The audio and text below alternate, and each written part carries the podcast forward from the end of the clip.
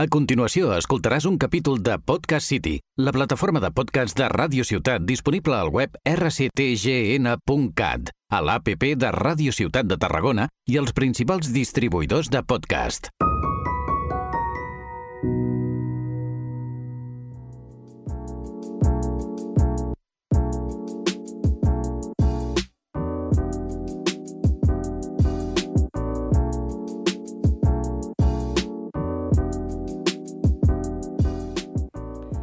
Benvingudes i benvinguts a un nou episodi de Maternitat i Criança Conscient, més enllà del que t'han explicat. Avui el nostre tema és la placenta. I ho escriuria en majúscules. Ja veureu per què. Acompanyeu-me aquesta estoneta. I començo aquest podcast amb un paràgraf del llibre La placenta, el chakra olvidado, de la Robin Lynn. No estamos solos en el útero. Desde el principio disfrutamos del consuelo de nuestra gemela la placenta. Esa hermana o ese hermano duerme, sueña y susurra con nosotros según nos vamos desarrollando. Compartimos con nuestra placenta la canción de cuna que es el latido del corazón de nuestra madre. En verdad, no nacemos solos, porque la placenta comparte el nacimiento con nosotros. Sin embargo, debido a los modernos protocolos de parto, a la mayoría de nosotros nos han separado prematuramente de esa unión sagrada y aprendemos a temer la separación, el abandono y la soledad. Se trata del trauma del nacimiento, o pecado original, si lo prefieres, y es doloroso y puede llevar toda una vida sanarlo si es que se consigue. Molt bones, sóc l'Estela Prado, dona, mare i terapeuta maternal, ofici destinat a acompanyar la gestació, el part, la placenta, el postpart, el postpart i la criança. I sóc la veu principal d'aquest podcast sobre maternitat i criança conscients. En els anteriors podcasts hem parlat sobre l'arribada del nadó i atès que amb l'arribada del nadó també arriba la nostra placenta, no volia trigar gaire a fer-la protagonista d'un dels podcasts. He de confessar que la primera vegada que em van parlar d'ella em vaig adonar que en realitat no tenia ni idea de què era, ni com, ni com era, ni quina funció tenia la placenta pel nadó. Pensava que era la bossa que envoltava el nadó dins de l'útera. Ai, perdoneu, aquí obro un parèntesis per explicar per què faig servir el femení per referir-me a l'úter. Doncs ben senzill. Oi que és un òrgan exclusivament de les dones? Doncs em sembla molt encertat que es pronunciï en femení. Com, per exemple, les trompes uterines. Altre cop, no m'agrada donar un nom d'un senyor a un òrgan femení. Per això em refereixo a elles com a trompes uterines. Tanco parèntesis i segueixo parlant sobre l'estimada placenta. Us comentava de la meva ignorància sobre la placenta pensant que era la bossa amniòtica i que, suposo, com la resta de dones que no havien parit, jo tampoc era cap excepció en el desconeixement sobre què és la placenta. I és que tinc una bona amiga que va saber d'ella just al moment en què li va sortir per la vagina amb el part de la seva primera filla. Que, per cert, la sortida de la placenta, tècnicament en català, se'n diu lliurar-la. En castellà, ser a l'ombra. Bé, només espero que les que heu parit sí que tingueu clar què és la placenta, tot i que em queden els meus dubtes. He escoltat de mares que han parit a l'hospital i ni recorden haver-la vist. Jo, a l'altra banda, la he gaudit molt. I és que coneixeu tot el potencial de la placenta? Coneixeu la medicina placentària? Heu sentit a parlar de la placentofàgia? I del parlotus? Doncs de tot això en parlem en aquest podcast. I de moment, m'agradaria moltíssim poder-vos escoltar què teniu a dir sobre la placenta. A les que heu parit, l'heu vist? L'heu tocat? Què heu fet amb ella? Sabeu el gran paper que fa per les vostres criatures? Ai, com m'agradaria poder-vos escoltar. Vinga, doncs, per on començo a explicar-vos sobre la placenta? Ens endinsarem a la placenta amb una dada que em sembla supercuriosa. La placenta és genèticament idèntica al nostre do, al nostre nadó. La bessona que comenta la Robin Lim. I és que s'han creat juntes, junts, i comparteixen el disseny genètic. I així és com es pot transformar en una medicina personalitzada pel teu nadó i per tu, mare, que has creat la vida. Però l'abastiment d'aquesta medicina no s'acaba aquí, perquè també és medicina per tots els consanguinis, com ara el pare i les germanes i els germans del nadó. D'això ara en parlaré, que és una pràctica que m'interessa molt. Però de moment vaig al principi, a explicar-vos què és la placenta. Firme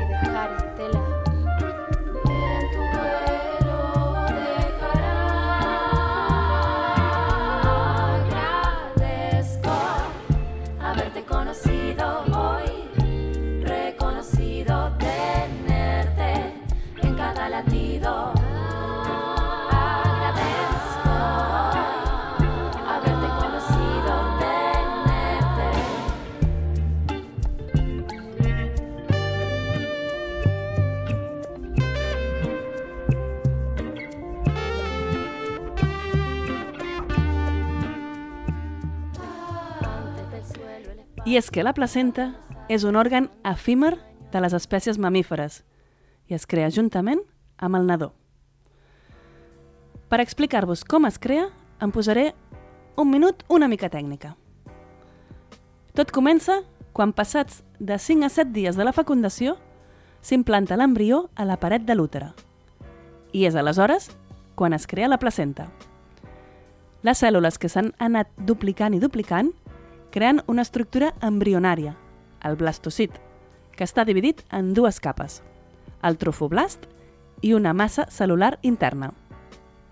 Del trofoblast esdevindrà la placenta i el cordó umbilical, i de la massa celular interna els teixits que formaran l'embrió. Per això, la càrrega genètica és idèntica entre la placenta i el nadó. Au, fins aquí la part més tècnica. Esperant que l'hagueu pogut suportar i encara em seguiu escoltant. I doncs, la placenta es queda adherida a l'útere a través de vasos sanguinis i és la unió entre la mare i el nadó. Es pot adherir a qualsevol banda de l'útere. Per davant de l'útere, és a dir, la banda que toca a la panxa, per darrere, la que toca a l'esquena, més amunt, més avall, i a tot arreu farà la mateixa funció. La única posició complicada si s'adhereix a l'entrada del coll de l'útere, a baix de tot, a la porta de sortida. En aquest cas, s'anomena placenta prèvia, i sí o sí, el nadó només pot néixer per cesària. I això per què? Us preguntareu. Doncs aquí és quan he de començar a explicar què és i què fa la placenta. I és que, com les persones, cada placenta és única. Fent una descripció general, la placenta té una aparença de, diguem, una torta de Santiago. És rodona, d'entre 20 i 25 centímetres de diàmetre i uns 2-3 centímetres de gruix. Es distingeixen dues cares. La cara materna, que és la que s'adhereix a l'útere i està dividida en cotiledons, i la cara fetal, que és la part que està en contacte amb el nadó. Del perímetre de la placenta, del que seria al voltant, surt el sac amniòtic, creant l'espai que acollirà a la nostra filla o fill. I del vent mig de la cara fetal de la placenta, com allà on es posaria la punta del compàs per fer el cercle, surt el cordó umbilical. He de dir que hi ha excepcions. Hi ha placentes que els, que els hi surt el cordó no ben bé del mig, sinó a alguna banda. Són les que menys, però també n'hi ha, i són igual de funcionals. I així, la placenta i el cordó umbilical que surt d'ella són la unió entre la mare i el nadó. I fins aquí la presentació físicament parlant. I ara anem a la part més pràctica, la de la feina que fa la placenta pel nadó i per la mare. I aquí és on podem començar a reconèixer la importància d'aquest òrgan efímer que és la placenta. I vinga, després d'una mica de música, us obro el coneixement a les seves funcions, que en són un munt i totes ben bàsiques i importants. El flujo circula caliente, las manos palpitan, tocan y sienten, los poros respiran, inhalan la vida. El flujo circula caliente, las manos palpitan, tocan y sienten, los poros respiran. Ja hem dit que la placenta està adherida a la, part del, a la paret de l'útere a través de vasos sanguinis.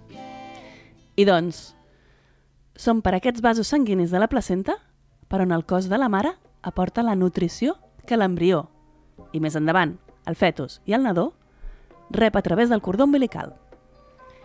I és per aquest mateix camí que l'embrió retorna a la mare allò que ja no necessita. Aquí tenim ja dues funcions, la nutritiva i l'excretora. Una altra funció superimportant és la respiratòria. La placenta transporta l'oxigen de la sang materna a la sang del fetus i, en sentit contrari, el diòxid de carboni retornant-se des del nadó a la mare. I aquí faig un parèntesis en l'explicació de, les, de les seves funcions, aprofitant aquesta funció respiratòria per mostrar el per què, si ens trobem en un, amb una placenta prèvia, el nadó ha de néixer per cesària. Recordeu quina era la placenta prèvia? És aquella que s'adhereix a l'entrada del coll de l'útere, a baix de tot de l'útere.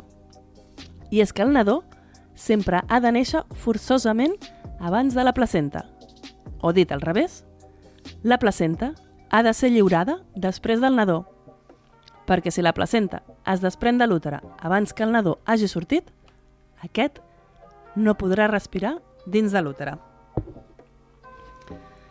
També aquesta funció respiratòria és la que ens dona tranquil·litat en el procés d'expulsiu del nadó. Em refereixo a quan el nadó es queda fins a un parell de minuts amb el cap fora de la mare, però amb el cos encara dins, que tot i semblar que el nadó s'està escanyant sortint per la, de la vagina, hi ha la certesa que la placenta segueix aportant l'oxigen que el nadó necessita. I seguint amb les funcions, li toca el torn a la funció, també superimportant, la filtradora. És a dir, que la placenta actua com a barrera de defensa davant les substàncies nocives pel nadó. Tot i això, no podrà proporcionar protecció contra productes com el fum de les cigarretes, l'alcohol i certs, i certs medicaments. O sigui que s'ha de tenir en compte. I una altra funció bàsica per la gestació és l'endocrina. És a dir, la placenta funciona com una glàndula que secreta hormones com l'estrogen, la progesterona i la gona, gonadotropina coriònica humana, o més coneguda com a GCH. I la placenta també evita que el fetus sigui tractat com a cos estrany pel sistema immunològic de la mare, produint factors immunosupressors. D'aquesta manera, es permet que el cos matern accepti l'embrió i sigui compatible amb la vida. I fins aquí la informació sobre les funcions. Ja veieu que en té un munt i que són bàsiques per la formació del nostre nadó.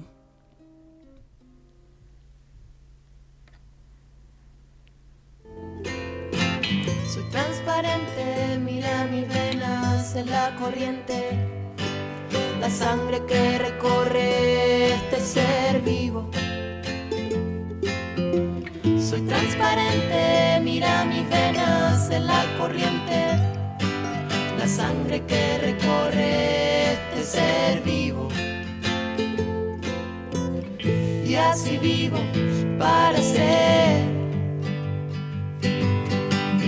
Y así vivo para ser. Y así vivo para ser. Aleshores, un cop coneixem com es crea, què és la placenta i per què serveix, us explicarem, us explicaré quan la lliurem.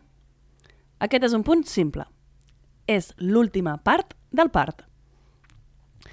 I és que, com bé va dir la meva llevadora un cop en Bruc havia nascut, va ser que el parto no termina hasta que no se alumbra la placenta. I així és. Després de néixer el nadó, ha de sortir la placenta. I així, el cos de la dona, al cap, al cap de certa estona, de parir, pot anar de 10 minuts les més ràpides, al voltant de l'hora la majoria, i fins a un dia he sentit que hi ha dones que han esperat a lliurar la placenta naturalment. En aquest últim cas, s'ha esperat amb una gran escolta d'una mateixa, un acompanyament molt respectuós i sent en tot moment la mare qui desitja seguir esperant i, sobretot, sense cap símptoma de malestar ni infecció. Mamà, per part del nounat, crea oxitocina en la mare. Això, sempre. I aquesta hormona encoratja el procés de despreniment i lliurament de la placenta. Per això, en molts hospitals ja tenen per protocol posar oxitocina artificial per induir el lliurament de la placenta després del naixement del nadó i així assegurar-se que no s'ha d'esperar gaire i rebaixar possibles riscos. I aquí m'agrada fer el recordatori que cadascuna és lliure de decidir si voleu acceptar el protocol o no. És a dir, si voleu accelerar aquest, procés, aquest procés o, en canvi, si voleu respectar el ritme del vostre cos. Els protocols no són imposicions. Es poden acceptar o no.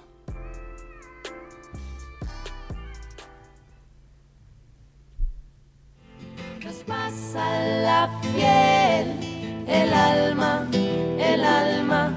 Traspasa la piel, el alma, el alma. Traspasa la piel, el alma, el alma. Traspasa la piel.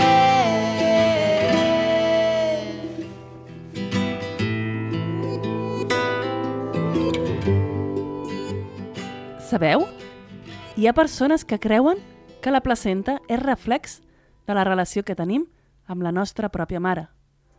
Vull dir, a la relació amb la mare de la dona que pareix, clar. I així es refereixen a que la placenta pot o no pot fluir com flueix o no la relació amb la nostra mare. La veritat és que qui sap fins on l'energia és transmesa i expressada, oi? En tot cas, a vegades la placenta surt ràpidament, a vegades triga més. A vegades es desprèn immediatament, és a dir, se separa de la paret uterina encara que no surti per la vagina, i altres vegades necessita més temps per separar-se i sortir. Aquest és el primer pas perquè surti la placenta, que es desprengui de l'útera. I algunes vegades la placenta s'ha adherit de tal manera que no se separa sola. Es pot arribar a adherir profundament a la paret uterina i fins i tot creuar l'útera i adherir-se també a algun altre òrgan adjacent, com és la bufeta, per exemple. Aquesta condició es diu placenta acreta, increta o percreta, depenent de la profunditat d'adherència.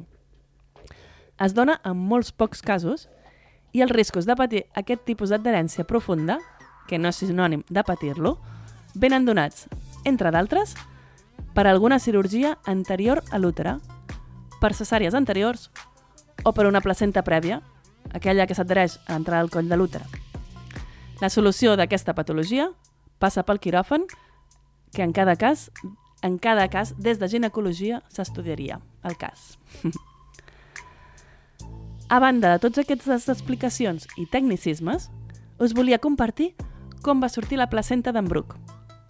I di meva, i és que va trigar moltíssim. Van ser 3 hores i mitja d'espera. A més, amb un cordó curt i encara lligat amb el Bruc, perquè havíem decidit fer naixement Lotus.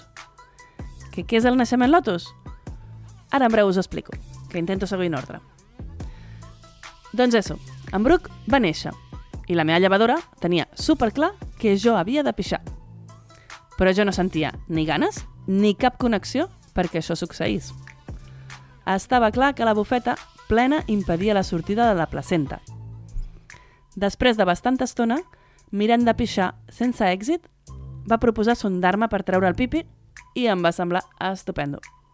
I és que va sortir molt de pipi. Però la placenta tampoc sortia. Semblava despresa de l'útero, però seguia dins. Jo mirava d'incorporar-me per tal que la gravetat ajudés, però tampoc. En Brooke ja havia mamat i estava tranquil.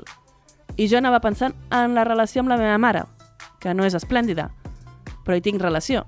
Així que respirava la nostra relació i respirava també el moment present. I de cop, alguna cosa es movia al meu interior. I gustosament va sortir per la meva vagina la nostra placenta, calenteta, i la vaig acollir amb molta estima. Ha fet possible la creació del meu fill. Quina meravella! Era petita, com el meu fill, i com la meva panxa. Tot bellesa.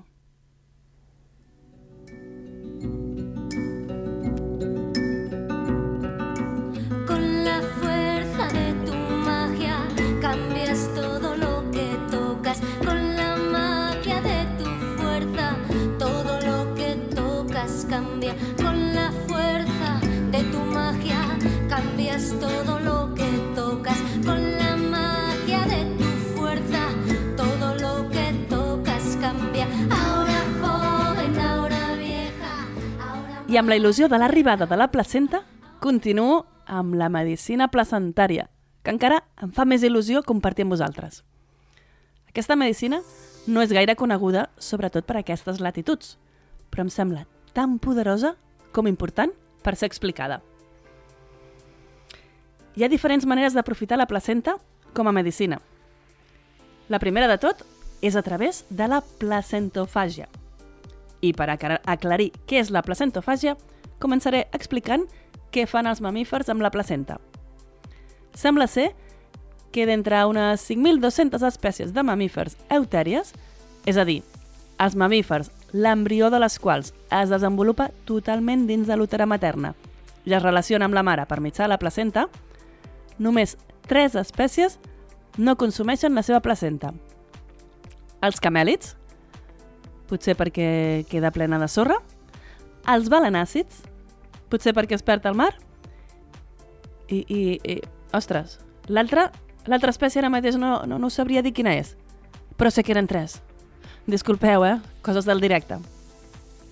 Bé, doncs sí, exacte. Estic parlant de menjar la placenta. Placentofàgia. Fa un any vaig veure parir la meva gata, de ben a prop, i vaig flipar amb com es, menja, com es va menjar les du en dues mossegades cadascuna de les placentes. Naixia un gatet, passava una estona on el llepava i de cop sortia la placenta i tal com sortia, nam, nam, se la menjava. Ni tocava la tovallola que tenia sota. Va ser tan animal, tan instintiu com bonic. I és que es parla de diferents teories de per què els animals es mengen la placenta, però sembla ser que cap se sosté. Per començar, se la mengen tant els animals carnívors com els herbívors. I diuen que podria ser per gana, però hi ha espècies que no mengen res, res més durant el treball de part i n'hi ha que ingereixen aliments i en els dos casos també es mengen la placenta. I també hi ha la teoria que la ingereixen per netejar el rastre per possibles depredadors. Però també aquelles espècies que no han de patir perquè no tenen depredadors, també se la mengen. I de fet, és l'únic element que, entre cometes, netegen, ja que per la sang i pels fluids que queden al lloc del naixement no realitzen cap esforç per netejar-los. I és que, a banda de les teories que no se sostenen, també hi ha una investigació oberta que diu que està relacionada amb l'adaptació, perquè el consum de placenta pot afectar realment el sistema immune de la mare. Conté gran quantitat de nutrients, hormones, vitamines, minerals i una altra sèrie de factors fonamentals per la recuperació de la mare després del part. I també és rica en vitamina K. I aquí us presento el doctor Sergio Sánchez, que, segons ell, en la seva investigació en què, es treballa, en què treballa actualment, apunta la capacitat que té la ingesta de placenta de millorar l'estat emocional de la mare després del part, a causa de la reposició d'hormones presents a la placenta.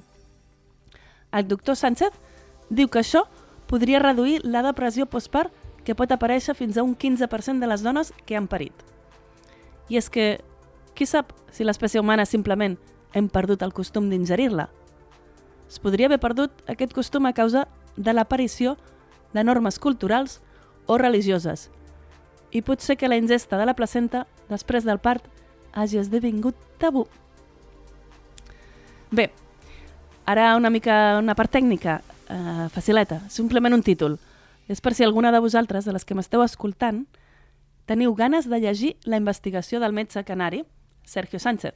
El títol de la investigació és Influencia de la reincorporación oral de placenta autóloga tras el parto en la evolución bioquímica sanguínea i làctea que es va fer al novembre del 2015. Autòloga vol dir que s'obté del mateix individu que ho rep. I com que veig que el títol és una mica llarg, per si un cas us deixaré un enllaç al meu Instagram, terapeuta maternal. I és que us anomeno aquest estudi perquè segurament la idea de menjar placenta està creant, com a mínim, cares i sensacions incòmodes. Però ja veieu que en el món instintiu dels animals és ben comú.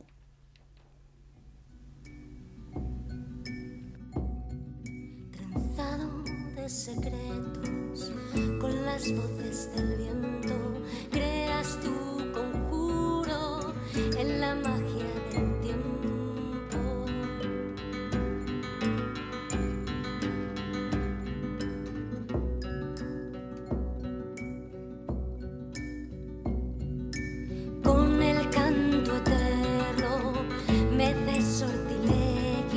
la luz de tu misterio. Que tu cuerpo Moltes mares que acaben de parir, que han decidit ingerir la placenta, ho fan amb batut, agafant un trosset de la placenta i barrejant-lo amb fruites. I jo vaig escoltar un dia que això pot alterar el pH de la placenta i, per tant, modificar alguna de les seves propietats. I com que jo tendeixo a tot allò natural, quan ho vaig fer, jo vaig agafar un parell de trossets, o cotilidons, com se li diuen a les parts de la cara materna, els que em van agradar més, i els vaig sucar en mel i així me'ls vaig menjar. Tot prèviament havent demanat permís tant al meu fill com a la mateixa placenta, procurant respecte a totes les bandes. I és que aquest fet de menjar placenta indica al nostre cervell reptilià, aquest cervell el més antic de tots, el de la supervivència, que el nadó i la placenta ja són fora i que el cos ja pot començar el procés d'involució de l'útera, és a dir, el retorn progressiu de l'útera a la seva dimensió normal. El cos, està clar, que per si sol també ho fa, però amb la ingesta de la placenta, diguem que enfortim el procés. També es van produint una sèrie de processos, com el tancament de dels vasos sanguinis, on la placenta estava adherida a la paret de l'útera, i el tancament del coll de l'útera, i tot el procés de retorn del cos a l'estat o similar d'abans de la gestació. Tinguem en compte que tots aquests processos es van reali realitzant lentament, en qüestió de dies una primera, diguem, fase, i mesos la recuperació més completa. Ah, i més, més beneficis importants de menjar la nostra placenta és evitar una hemorràgia postpart i tota l'aportació de nutrients que abans he esmentat que conté la placenta. I així, un cop lliurada la placenta i ingerida en aquest primer moment després del part, o en el postpart immediat, que també se'n diu a les primeres hores després de parir, amb la placenta podem fer una varietat de coses. Podem, podem començar fent art i fer una imprimació de la placenta en un bonic full d'aquarela de cotó o en una simple cartolina, si no hi ha tanta previsió. Uh, per cert, després recordeu posar-li una esprellada de laca perquè si no la sang que dibuixa aquest arbre de la vida s'asseca i desapareix el dibuix.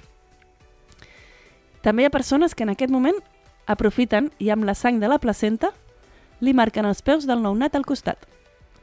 I amb el cordó, que està enganxat a la placenta, i també el podem el, també entrarà a la imprimació, podeu fer un bonic dibuix, tipus un cor o una espiral, o el que us inspiri al moment i l'energia amb el tros que tingueu. Com que estarà fresc, encara és maleable. I continuem per treure més medicina. És el moment de fer les tintures mare de placenta i de cordó. Es deixa un trosset de cada element en el qual, durant sis setmanes, que es va dinamitzant, és a dir, remenant amb suavitat i posant la nostra bonica intenció de vida. I un cop la tintura mare està feta, si volem, podrem usar-ne una mica per fer l'homeopatia. Toma ja, la nostra pròpia homeopatia. Personalment, ho trobo genial i tot un regal. Eh, que per què farem servir la tintura mare de placenta? Interessant pregunta. Doncs té un, un punt de reset, un punt de tornar a l'origen. Es pot prendre per les afectacions dels òrgans, mentre que la tintura mare de cordó la prenem quan el que tenim afectat són els tubs del nostre cos. És a dir, la laringe, la faringe, les venes, etc. Molt sovint, la medicina funciona per associacions, com el cas de les nous, que són bones pel cervell, i és el que tenen una aparença de cervell, oi? O la remolatge per la sang, per aquesta vermellor. Bé, continuem amb més, més medicina placentària. Doncs amb la resta de la placenta també podem deshidratar-la i encapsular-la per prendre'n el postpart mitjà i tardà. Aquestes càpsules aporten energia, nutrients i hormones. Tot un complement per viure els primers dies de la teva filla o fill amb energia. Energia per tu, mare, i nutrients pel teu nadó si el lletes. I quan sembla que tenim una bona quantitat de medicina, encara en podem obtenir més. Les membranes es poden assecar i tenir-les per curar ferides o, sobretot, cremades, rehidratant-les en el moment que es necessiten. I podem tornar una mica a fer art.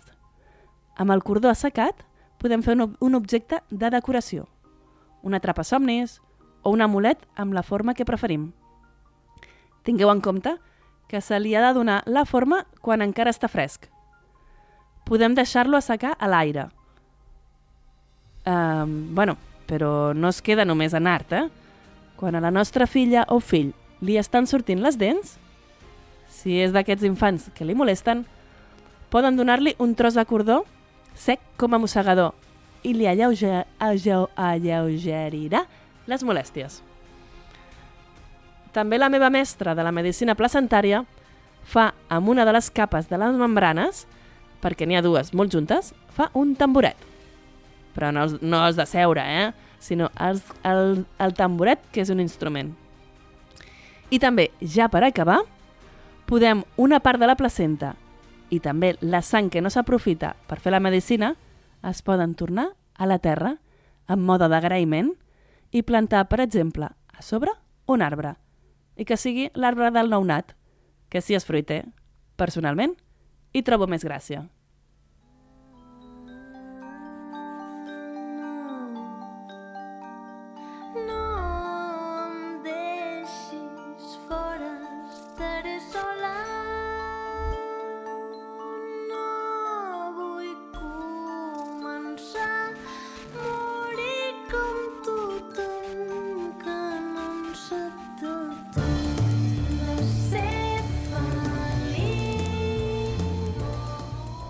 I fins aquí tot el profit que podem treure de la placenta després d'haver col·laborat en la creació d'aquesta nova vida que ara és el nostre tresor estimat. I ja arribant al final, em queda explicar-vos què és el Lotus Birth.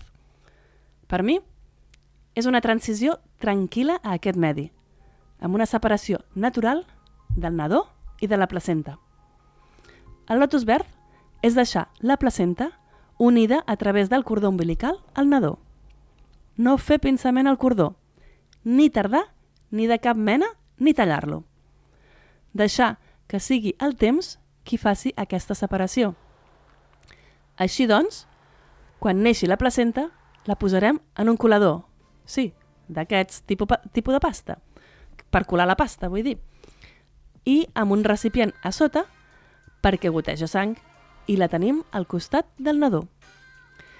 Si visiteu el meu Instagram, terapeuta maternal, he penjat una foto del meu fill Bruc encara unit a la placenta els primers dies extrauterins.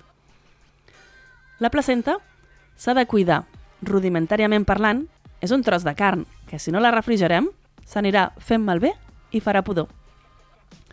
No ens hem de preocupar per possibles infeccions pel nostre nadó, perquè el cordó, que és la possible entrada de la infecció, durant les primeres hores es va secant i queda ben rígid i es tanca el possible risc d'infecció.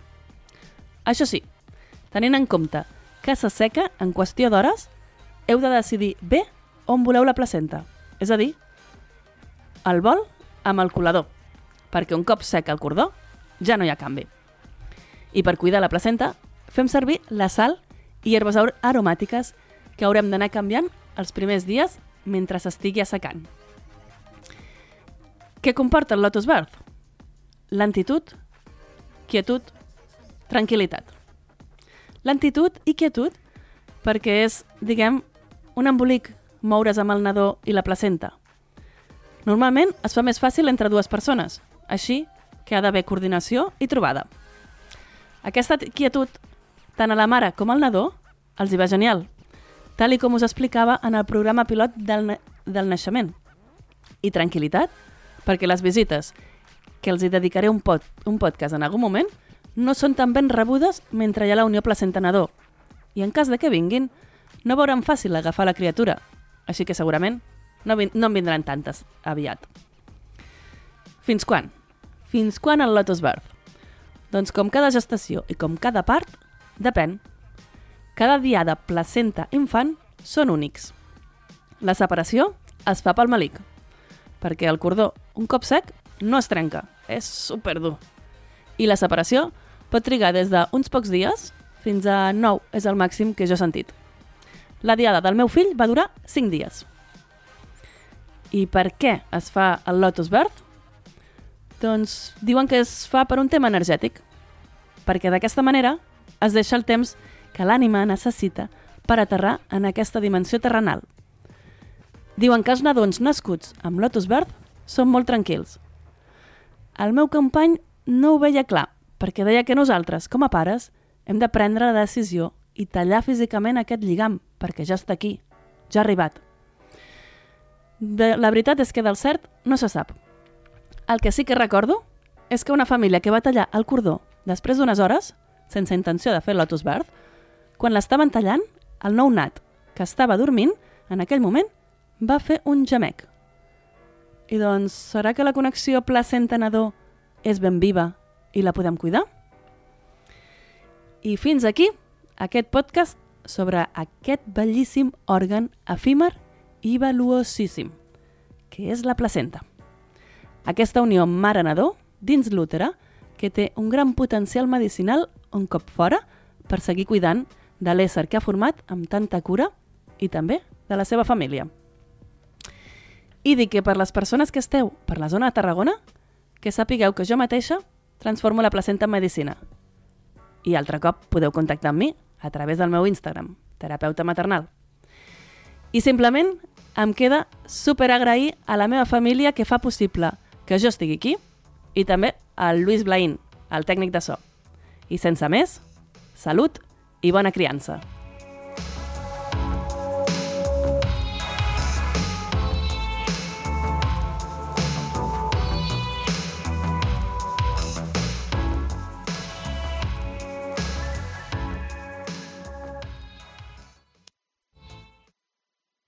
Has escoltat un capítol de Podcast City, la plataforma de podcast de Ràdio Ciutat, disponible al web rctgn.cat, a l'APP de Ràdio Ciutat de Tarragona i els principals distribuïdors de podcast.